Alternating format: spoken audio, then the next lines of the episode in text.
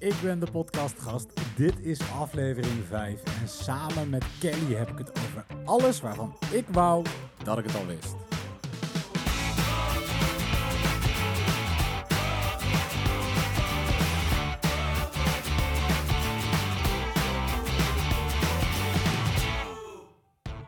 Dit is een super toffe aflevering die ik samen met Kelly van de Wat ik wou dat ik wist podcast heb opgenomen.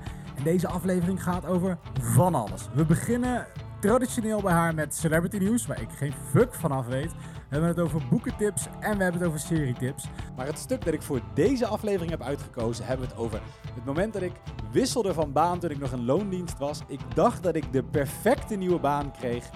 En het bleek totaal niet zo te zijn. En ik denk dat dit voor veel mensen wel herkenbaar is. Iedereen maakt wel eens zo'n keuze, of het nu op het gebied van werk of privé is, waarbij je echt denkt dat je het juiste doet. En achteraf denk je, had ik dit maar geweten. Want ja, wat doe je als je je droombaan hebt opgegeven voor iets wat nog beter lijkt? Je komt erachter dat dit niet zo is en, en ja, je wilt terug. Je loopt vast. Je merkt dat je niet gelukkig bent. Ja, wat doe je op zo'n moment en hoe kijk ik daar later op terug? Dat is waar ik het samen met Kelly over heb. We hebben het over prioriteiten in je leven en uh, hoe dit soort dingen ook echt veranderen naarmate je ouder wordt. Deze aflevering is opgenomen twee dagen voordat ik 30 werd, dus misschien was ik wel in een extra nostalgische mood. Maar luister vooral lekker mee naar Kelly en mij. Ja, dus dat was heel tof. Uh, en dat was een jaar tof en dat was twee jaar tof. En uh, ja, toen kreeg ik een ander aanbod. Je, je, kreeg, je werd gewoon weggesteeld daar. Weggestolen. Ik, ja, ik werd weggekaapt. ik werd wegge, ja, wegge, ja, ik werd weggekaapt. En ja, wat, wat, wat doe je dan? Um, ja, Was het een goed ja, aanbod? Je, het gras aan... daar, daar, ligt het dan een beetje aan. Ja, het, het, het gras bij de buren is natuurlijk altijd groener. Uh, maar het was een heel goed aanbod. Het was uh, in plaats van. Ik, ik, had dit spelletje toch een beetje uitgespeeld. Het was een Nederlands bedrijfje op een Nederlandse markt. En uh, ja, op een gegeven moment kende ik het spelletje wel een beetje, had ik het gevoel. Ehm, dus ik wilde meer, meer, meer. En dat kreeg ik. En ik, kreeg, ik zou internationaal sales kunnen gaan doen. voor echt grote aanmerken. Weet je wel, klanten als, als Adidas en als Philips en dat soort dingen. Samsung. Cool. Ik kon internationaal sales gaan doen. Ik, denk, ik kreeg een grote zak geld. Ik moest mijn auto inleveren. Dat was jammer. maar goed, wie heeft een auto nodig? Ik heb een grote zak geld. Ik ga om. En dit was ook nog deels in dit 3D-wereld waar ik vandaan kwam. Want ik deed sales van een soort 3D-product. Ah. Dus ik had al heel veel kennis. En ik had nog iets aan mijn opleiding. Ja, dus ik ging om. En ik heb dat, ik denk, een anderhalf jaar lang volgehouden. Voordat ik uh, daar bijna schreeuwend wegliep. Schreeuwend wegliep? Was het zo erg?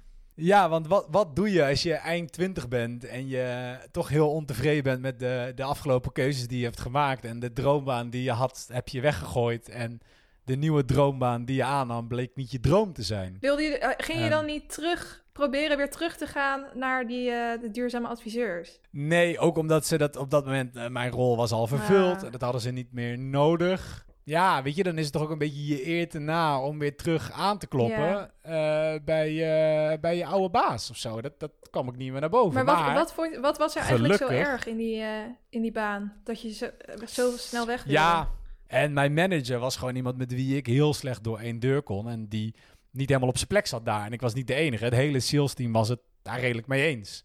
Um, vlak voor mij ging een collega weg. Ik ging weg in de drie maanden na mij zijn, ik denk, nog zes andere mensen weggegaan daar. Wow, dus dat, dat laat wel, zien dat er een soort van groter probleem was. Ja, dus dit was een baan. Ja, dit was gewoon, weet je, 80 uur per week werken. Ik zat iedere maand, zat ik uh, uh, wel een keer in Amerika of in Engeland. En dat klinkt heel cool. Totdat je beseft dat je gewoon geen tijd hebt voor je relatie. Geen tijd hebt voor leuke dingen. Ja, ja, weet je, dan... dan en dan besef je toen ik twintig was, wilde ik alsmaar meer en zat ik in een soort van weg naar boven toe.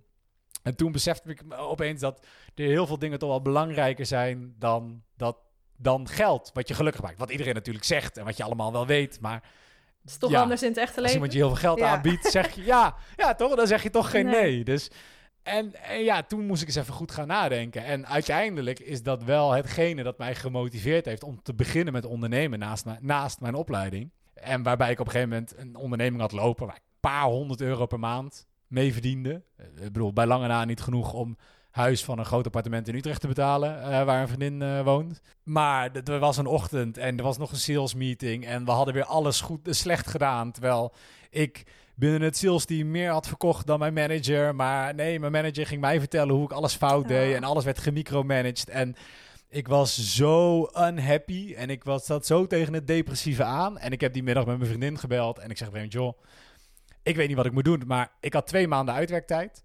Het was de 31ste.